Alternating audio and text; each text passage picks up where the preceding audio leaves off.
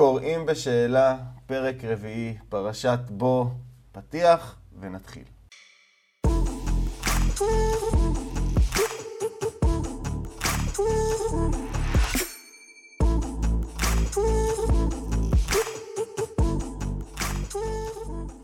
שלום לכולם, קוראים בשאלה, פרק רביעי, פרשת בו, שלום אמיר. שלום צחי.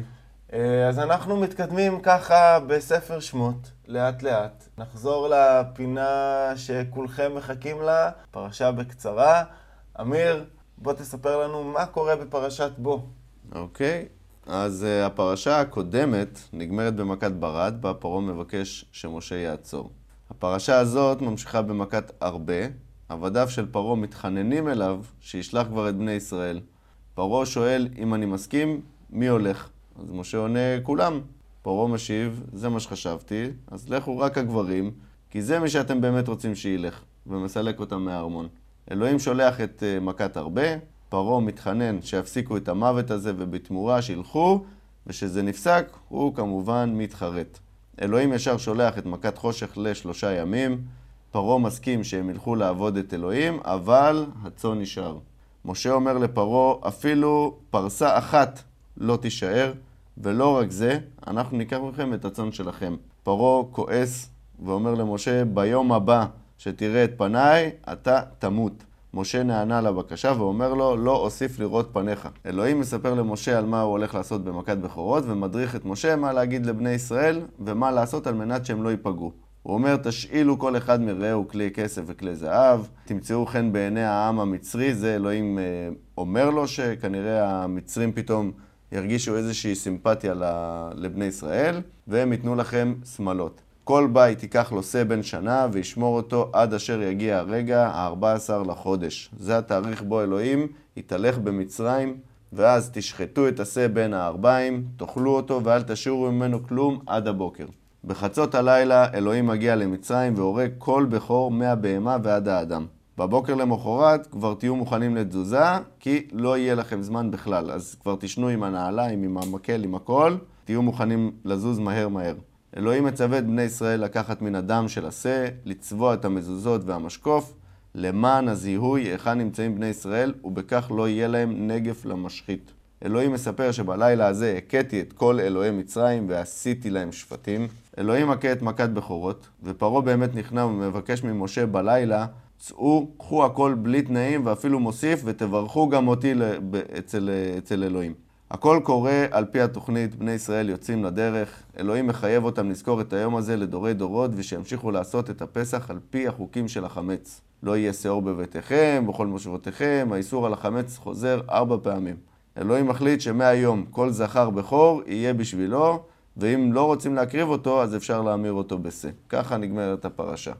טוב, אז באמת פרשה שיש בה את המכות האחרונות, את המכות שב, שגורמות לבני ישראל בסוף לצאת ממצרים, ואת כל, ה, כל נושא פסח בעצם. פסח מתחיל פה, כל הסיפור של מה צריך לעשות, הקורבן אה, וכולי, הכל נמצא בפרשה שלנו. כמו שאנחנו נוהגים לעשות בפודקאסט שלנו, אנחנו נתייחס לנקודות שאנחנו מצאנו שמעניינות אותנו, שיש לנו משהו להגיד עליהן, וזהו, ונתחיל. טוב, אנחנו נתחיל עם הנקודה הראשונה, שהפרשה פותחת במילה בוא אל פרעה. עד עכשיו, אלוהים היה שולח את משה ואהרון, לכו אל פרעה, אתם תלכו, הם ילכו, כולם ילכו, לא הוא. פתאום הוא אומר, בוא אל פרעה. זאת אומרת שהוא מצטרף אליו, אל פרעה. ככה אני מבין. למה עד עכשיו זה היה לך, ועכשיו פתאום זה בוא?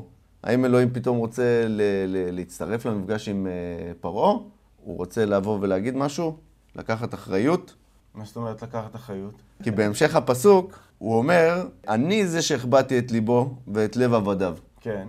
אז עכשיו הוא כאילו בא להתוודות, בגלל שאני זה שאחראי על כל הדברים האלה, אני בא איתך. הבנתי. ש- שפרעה ועבדיו יראו מי זה, מי זה... אתה אומר בעצם שנוספים לנו עוד uh, כמה אנשים לרשימת האנשים שראו את אלוהים. בדיוק. מעניין. עכשיו, הוא בא אל פרעה. כן. אתה מבין? הוא, הוא ולא אחר. אני חושב שיש פה עניין גם של בוא תראה מי עשה לך את כל הצרות האלה עד עכשיו. לא משה ואהרון, שלא ייקחו את כל הקרדיט אליהם, כי אני בא. אז פעם ראשונה שאלוהים אה, מגיע כמו, באמת זה כמו לפרעה. לצורך העניין, כשאתה יודע, יש משא ומתן בין חברות אה, גדולות על איזושהי עסקה, אז בהתחלה שולחים את הנציגים, את נכון. האנשי משא ומתן כזה, לשבת ולסגור את הפרטים הקטנים, וככה רגע לפני שהעסקה נחתמת, אז מגיע המנכ"ל, הבעלים. יושב כדי לחתום על המסמך ולהגיד, הנה, בסוף כן. אני עשיתי את העבודה. אני כיבדתי אתכם ו... ואני מגיע. כן, וגם אני זה שגוזר את הסרט בסוף. אני זה שלוקח ברור. את הקרדיט. אתם כן, עשיתם כמו, את העבודה. כמו השרים בכנסת, שהפקידים עושים את כל העבודה ואז הם גוזרים את הסרט. בדיוק. אחרי זה, אלוהים אומר שהוא, בפירוש, הוא אומר, התעללתי במצרים. כן. עכשיו, מה זה להתעלל? בוא, תן לי שנייה פירוש על המילה להתעלל. להתעלל זה בעצם לגרום למישהו סבל למטרת סבל, עכשיו, שזו המטרה. אתה מבין שהוא בא ואומר את זה בפה מלא. כן, אני התעללתי במצרים. כן, זו אמרה מאוד מאוד קשה. נכון, כי אתה לא מצפה מאל רחום וחנון כן, להתעלל במישהו. נכון. אתה, אתה, אתה יכול- רוצה להוציא, תמצא את. הנקודה, תמצא את הנקודה של הרחמנות בך, ובוא ת, תיתן מה שצריך לתת, אוקיי? כן. כדי להוציא את העם שלך כביכול ממצרים. אבל למה אתה מתעלל? נכון. וגם שוב נתייחס רגע למשהו שהעלינו כבר בפרק הקודם, שאם אתם זוכרים, דיברנו על זה שזה מסע השיווק של אלוהים. אז הפסוק הזה, שאומר, למען שיטי אותותיי, למען תספר באוזני בנך את אשר התעללתי במצרים, שוב אנחנו חוזרים לזה. אני התעללתי במצרים, ואני נתתי את כל האותות האלה, וזו הסיבה. זאת אומרת, זה בשביל זה, כדי שיראו כמה אני חזק. וחוץ מזה, שאתה יודע, אמירה של אה, התעללתי במצרים, היום, לצורך העניין, גם אם אנחנו נלחמים במלחמה מול איראן, נניח, כן. אז המלחמה מול איראן תהיה כדי לנצח וכדי להסיר את האיום. כמו פה, המלחמה הייתה אמורה להיות כדי לנצח ולהוציא את בני ישראל. כן, המטרה היא מטרה עילאית, היא לא. בשביל ההת- ההתעללות. בדיוק, וזה לא היה עובר היום במלחמה מול איראן, אז ניצחנו, אז בוא עכשיו נלך ונעשה לכולם דיגי דיגי. זה, זה לא עובד ככה. עכשיו, תראה, תראה מה הוא עוד ממשיך ואומר. זה קצת יומרני לבוא ולהגיד את הדבר הזה. הוא שואל, דרך משה ואהרון את פרעה, עד מתי תמיין לשלוח את העם שלי? כן, אתה שואל עד מתי? אתה זה שמקשה את ליבו, אתה מתעלל בו, ואתה שואל עד מתי? כן. איך הגיוני בכלל שאתה... זה, זה אפילו, אתה יודע, זה עזות זה, מצח. זה חצוף קצת. כן. זה חצוף, זה, אתה מתעלל בבן אדם, ואז אתה שואל אותו עד מתי זה ימשיך. נכון. מה? עד מתי שתרצה. כן. בעצם. אה, משה מוסר עוד מסר מאלוהים לפרעה, אומר לו, שלח את עמי. נכון? כן. כולם מכירים את זה, שלח את עמי. מופיע בדיסני. מופיע בדיסני, זה שזור אה, כאיזשהו פתגם שהולך, שלח את עמי, זה יפה, אבל זה לא. זה לא מה שרשום. רשום שלח את עמי ויעבדני. זאת אומרת, זה לא שאתה עכשיו בא, לוקח את בני ישראל ושולח אותם לחופשי. אתה שולח אותם למעסיק אחר. אתה אומר, עד עכשיו עבדתם את הפחד." פרעה, ועכשיו אתם תעבדו אותי. זאת אומרת, זה לא, זה לא לחופשי, בכל מקרה. בני ישראל עדיין נשארים עבדים, ויעבדני. כן. מהעבדים של פרעה, הם עוברים להיות העבדים של אלוהים, אבל אז אין פה באמת אין חירות. פה באמת חירות, בדיוק. אין, כי- אין פה חירות, זה כי לא פה, לחופשי. תראה, פה במצרים הם עובדים פיזי, כן, ועכשיו אתה מוציא אותם לעבודה רוחנית, רוחנית, נכון. שהיא לא פחות קשה. בוא, זה עכשיו, מעכשיו עד סוף חייכם ועד סוף הדורות, אתם צריכים להשתעבד לאיזה אלוהים? נכון. למה אנחנו לא כמו שאר העמים, לפי התורה, כן? כן. שהם חופשיים מרוב הדברים האלה, מהשטויות האלה של אה, פסח וזה. מה אתה רוצה? אתה, אה, אה, במי אתה מתעלל? בנו. אתה נותן לנו ים של חוקים, ים של דברים, ואנחנו אמורים להיות העם הנבחר. כן, אבל זה, בגלל זה אתה העם הנבחר, כי אתה מסוגל אבל תראה, העם ב- הנבחר הזה סובל מראשית ימיו. נכון. מעכשיו ועד סוף הדורות אנחנו רק סובלים מזה שאנחנו איזה עם נבחר. אז אם אתה באמת אוהב אותנו, תדאג, אז תדאג לנו, אל תקשה עלינו. כן, תדאג לנו, ת, תקל עלינו, כן. ת, תבוא, תיתן לנו חוקים שהם סבבה, כל יום שבת תלכו לים. בדיוק. כאילו, אל תבוא ותיתן לנו מקלות כל היום. תן לנו פה את הגזרים. העם הנבחר צריך לקבל הטבות. כאילו, לגמרי. הבן הנבחר, אתה לא מעניש אותו כל שני וחמישי. על זה שהוא נבחר. כן. אז יש פה עכשיו גם עוד איזשהו קטע מעניין אה, של פרעה, שבאיזשהו שלב פרעה בעצם מסכים לשלוח. לאורך הפרשה פרעה כל פעם נותן איזושהי, איזושהי פשרה. טוב, תלכו, אבל רק זה, תלכו, אבל רק, אבל לא רחוק. תלכו, אבל רק הגברים.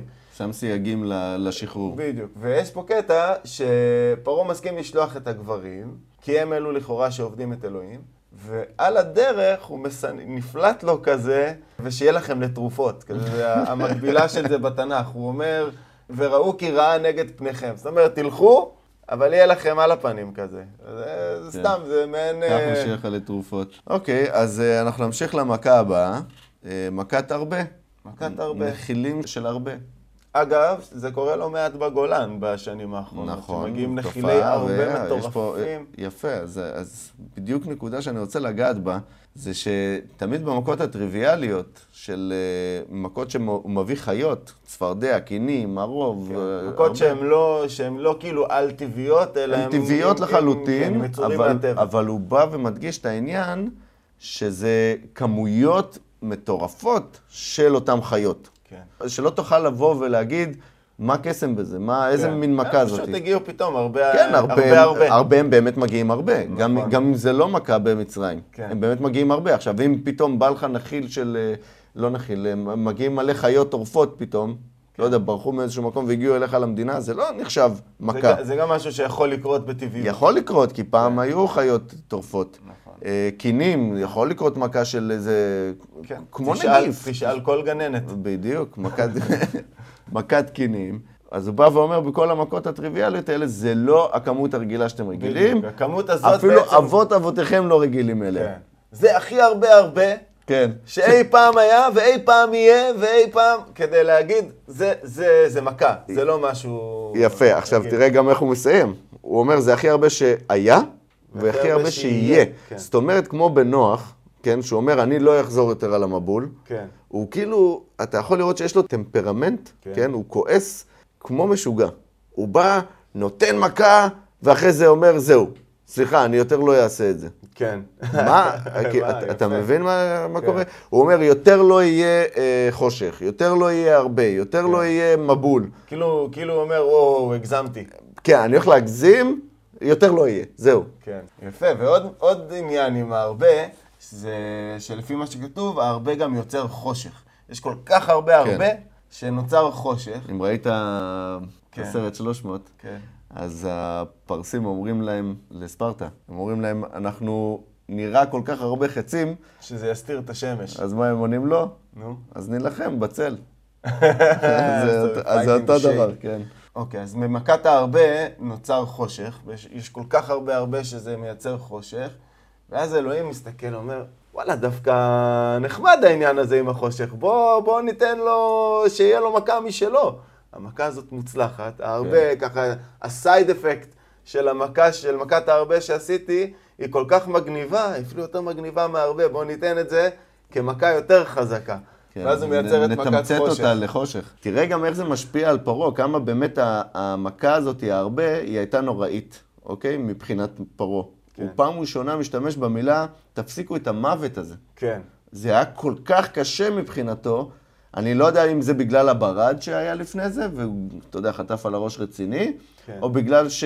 שהרבה באמת כמכה בפני עצמה, היא מכה נוראית, וגם החושך שהיה שם. יכול להיות שגם דווקא אולי בגלל שלכאורה מכת ההרבה נשמעת כאחת המכות הפחות קשות. כאילו, בסדר, אז יש הרבה, שגם תימנים כן. אוכלים את זה, בוא, הכל בסדר. זה לא נשמע כמו איזה מכה מטורפת, אתה יודע, שהורג להם את כל העולם. ולכן, כדי לבוא ולהגיד שהמכה הזאת באמת הייתה קשה, אז הוא מגזים שוב. אז הטקסט, בדיוק, אז הטקסט כאילו אומר, טוב, אז נגיד שפרעה אמר שזה היה מוות, ואז, כן. ואז זה יגרום לנו לתחושה של אה, באמת מכה היה- באמת רצינית. טוב, ואז אנחנו עוברים בעצם למכה, המכה של עשרת המכות, היא מכת בכורות. אז קודם כל נגיד עליה שהיא מכה שהיא לא הומנית בהצהרה.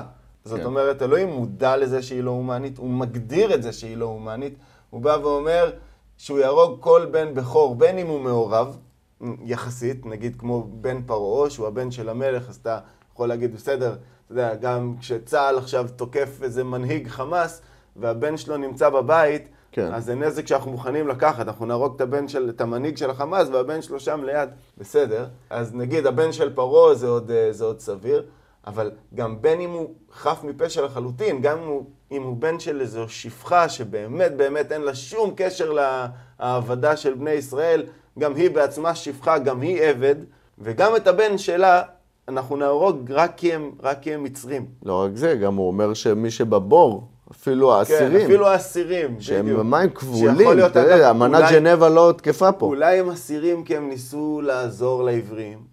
אתה מבין? יכול להיות שיש... יכול להיות. יכול להיות שיש מצרים... לא, אני אומר שגם אותם. גם אותם הוא הורג. זאת אומרת, גם כאלה שיושבים בבור, בכלא, יכול להיות על זה שהם התנגדו למשטר... לא יכול להיות, סביר להניח. על זה שהם התנגדו למשטר של פרעה שמתעלל בעברים. כן. גם את הבכורים שלהם אני אהרוג. אז ההגדרה באמת במכת בכורות זה שהוא יהרוג כל בן בכור של מי שהוא לא עברי. כן. וזה מכה שהיא בהגדרה שלה אה, לא הומנית, ואלוהים גם מזכיר במכה הזו, שבניגוד למכות הקודמות, שבהם הוא בא להראות לפרעה שהוא האל, לפרעה ולבני ישראל, במקרה הזה הוא אומר שהוא יעשה שפטים בכל אלוהי מצרים. כן. אני אדוני, זאת אומרת, עכשיו אני לא רק נלחם בפרעה, או לא רק מנסה להראות לבני ישראל שאני אלוהים, אלא אני נלחם ומנצח את כל האלוהים של מצרים, כאילו, אתה יודע, are you talking to me? אז נשאלת השאלה הכי גדולה, מדוע פרעה לא מת במכת בכורות? כי פרעה הוא גם בכור. למה אלוהים לא מעניש אותו? כי אני חושב ש... עוד פעם, בניגוד למצבים שבהם אה, נניח, כמו במסעות של הוויקינגים, שמנסים אה, לבוא ולכבוש איזושהי מדינה כדי להשתלט עליה, שם באמת אתה הורג את המנהיג. אבל במקרה הזה, המנהיג הזה, פרעה, הוא המצגת שיווק הכי טובה שיש לאלוהים, ואין אין שום אינטרס כרגע לשלוט על העם המצרי. הרי כל הרעיון הוא להוציא את, את בני ישראל החוצה. כן. ולכן, בגלל ש, שאנחנו לא מנסים להשתלט על המצרים, ואנחנו משאירים את המצרים להתמודד עם עצמם אחרי המכות שהם קיבלו, אז פרעה הוא המצגת שיווק הכי טובה שנשארה לאלוהים. בעצם המנהיג שיהיה במצרים, הוא מנהיג שהוא הוא זה שחווה את כל הארסנל מכות של אלוהים, ו- וככה גם הם יזכרו את זה לעוד הרבה כן, זמן. אבל אתה מבין שאם אתה הורג את פרעה, יבוא פרעה אחריו.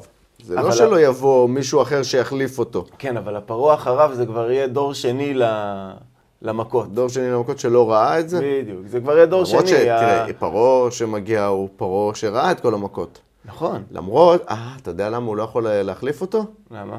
כי פרעה הוא בכור, נכון? כן. הוא הרג את כל הבכורות. אה, ואין בכור אחר. ואין בכור אחר. זאת אומרת שהבכור היחיד שנשאר בארץ מצרים מהמצרים, זה פרעה. זאת אומרת שאין לו מחליף כרגע. כן, בסדר, אבל אז עד ברגע ש... שייוולד הפרעה הבא. אוקיי, ויכול, אני מניח שלפרעה היה יותר מילד אחד. כן, אבל מי, לא, זה רק. הבכור מגיע להיות... אה, לא, למה? אם הבכור מת, אז אז השני, יש שושלת מלוכה. צריך לבדוק את העניין יש הזה. שושלת מלוכה, תמיד הראשון מת, אז השני אחריו, הוא הוא הופך להיות בעצם הבכור, הוא הופך להיות בעצם הגדול. אבל אני חושב שזה באמת עניין של... אה, שמע, זה בן אדם שעכשיו חווה את הכל, הוא ימשיך להנהיג את מצרים מתוך יראה וחשש אה, מישראל והאלוהים שלהם, וזאת הסיבה לדעתי שהוא משאיר אותו. עכשיו, אני רוצה לדבר על עוד נקודה במכת בכורות. יש את העניין הזה עם הדם על, ה, על המשקוף. כן. כדי, ש- בני ישראל אמורים לסמן את הדם, דם של הקורבן על המשקוף, וככה אלוהים פוסח בעצם על הבתים של בני ישראל. עכשיו, דיברנו על זה שהמכה הזאת היא לא הומנית בהגדרה שלה, עם עצם זה שהורגים את כל הבכורות, חפים מפשע, לא חפים מפשע. אולי זו איזושהי דרך של אלוהים לאפשר לבני ישראל להיות לרגע חסידי אומות העולם לגבי משפחות שהיו טובות איתם, או שלא, אתה יודע, שהם חברים שלהם והם רוצים לשמור עליהם. אולי הוא אומר, כאילו העניין הזה עם הדם גם מאפשר לבני ישראל אולי לשים דם על בית של מצרי, ואז אלוהים יפסח גם עליו. זאת אומרת, אני לא יודע, או- יכול להיות. לא, יש פה, יש פה משהו אחר, שאלוהים אומר, למשפחה שאין לה שא, יכולה להיכנס תחת אותו בית של המשפחה השנייה, שיש לה שא.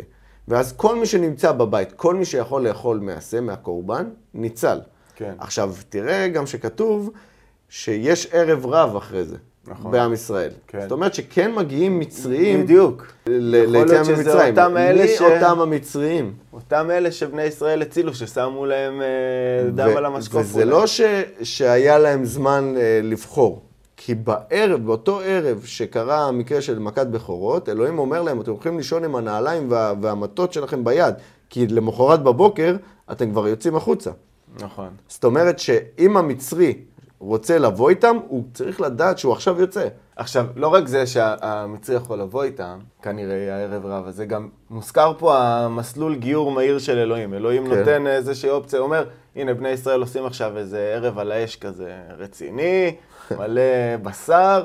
ומלא גרים רוצים להצטרף לערב על האש. יש את המישוי הראשון בהיסטוריה. המישוי הראשון בהיסטוריה, רוצים להצטרף לערב על האש, או ניקח את זה קצת יותר קדימה, אומרים, אנחנו רוצים לעבור אליכם, לבני ישראל, רוצים להיות חלק מכם, הבנו שהאל שלכם הוא הכי חזק, כן. בואו, אנחנו רוצים להיות חלק מה, מהעניין הזה שנקרא בני ישראל. אז אלוהים מציע מסלול גיור, אה, גיור מהיר, הוא אומר, כל מה שאתם צריכים לעשות, בקטנה, רק תמולו את עצמכם, צ'יק צ'אק. משהו בקטנה. ואז אתם בפנים. הוא אומר, ימול לי כל אה, זכר, ואז יקרב לעשותו. זאת אומרת, יצטרף לחגיגות שלנו. יוכל להיות חלק מה... מה... מהאיר... מהאירוע. כן, מהאירוע. הוא לא מגייר אותו. הוא מכניס אותו לאירוע. הוא... כן, אתה יכול להיות חלק. בדיוק. אתה יכול להשתתף. כשאלוהים פונה למשה ואהרון לדבר אל בני ישראל איך להישמר מהלילה של מכת בכורות, הוא מזהיר אותם ארבע פעמים לא לאכול חמץ.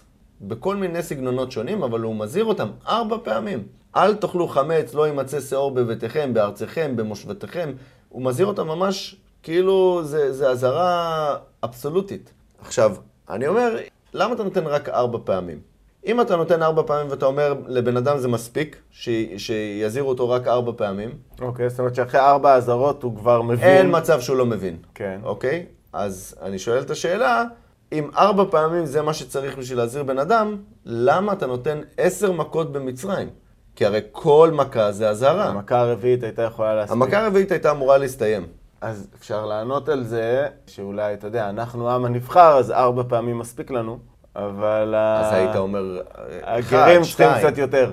אבל למה ארבע פעמים? מה אני צריך ארבע אזהרות? ארבע פסוק כד... אחרי פסוק. ארבע כדי להדגיש עד כמה זה חשוב, אני חושב. זה מגיע מתוך הרצון להדגיש שזה גם, תשמע, גם כתוב פה עונש מאוד מאוד חזק למי שלא יעשה את זה. נחרטה נפש האם מישראל. זאת אומרת, אה, אלוהים בא להגיד, חבר'ה, העניין הזה עם החמץ זה לא צחוק, דיר באלק. כן. אני מתכוון למה שאני אומר. ולדורי דורות. תיזהרו עם זה, כן. עכשיו, אם אנחנו כבר מדברים על אה, חומרה של דברים ואיפה, איזה דברים נלקחים יותר ברצינות, אז בדרך כלל אה, בכל המצוות וההלכות שאנחנו, שהיום האנשים הדתיים הולכים לפיהם, אז דברים שמגיעים ישירות מהתורה, הם חזקים יותר מדברים שנאמרו אחר כך על ידי רבנים וכל מיני נכון, דאורייתא ודרבנן. נכון.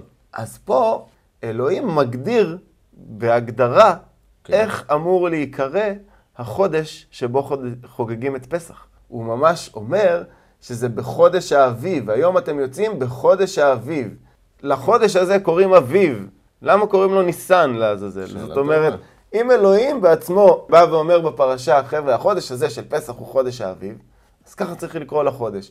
השם חודש ניסן מגיע אחר כך, נדמה לי, רק במגילת אסתר, ואחר כך בספר נחמיה. Okay. אוקיי. זה מגיע מהרבה הרבה אחרי. אבל החודש הזה נקרא אביב. אז חבר'ה, אני חושב שאנחנו צריכים לשנות את השם של אה, חודש ניסן, זה לא השם הנכון. By the God, מהיום ולעד יקרא חודש ניסן חודש האביב.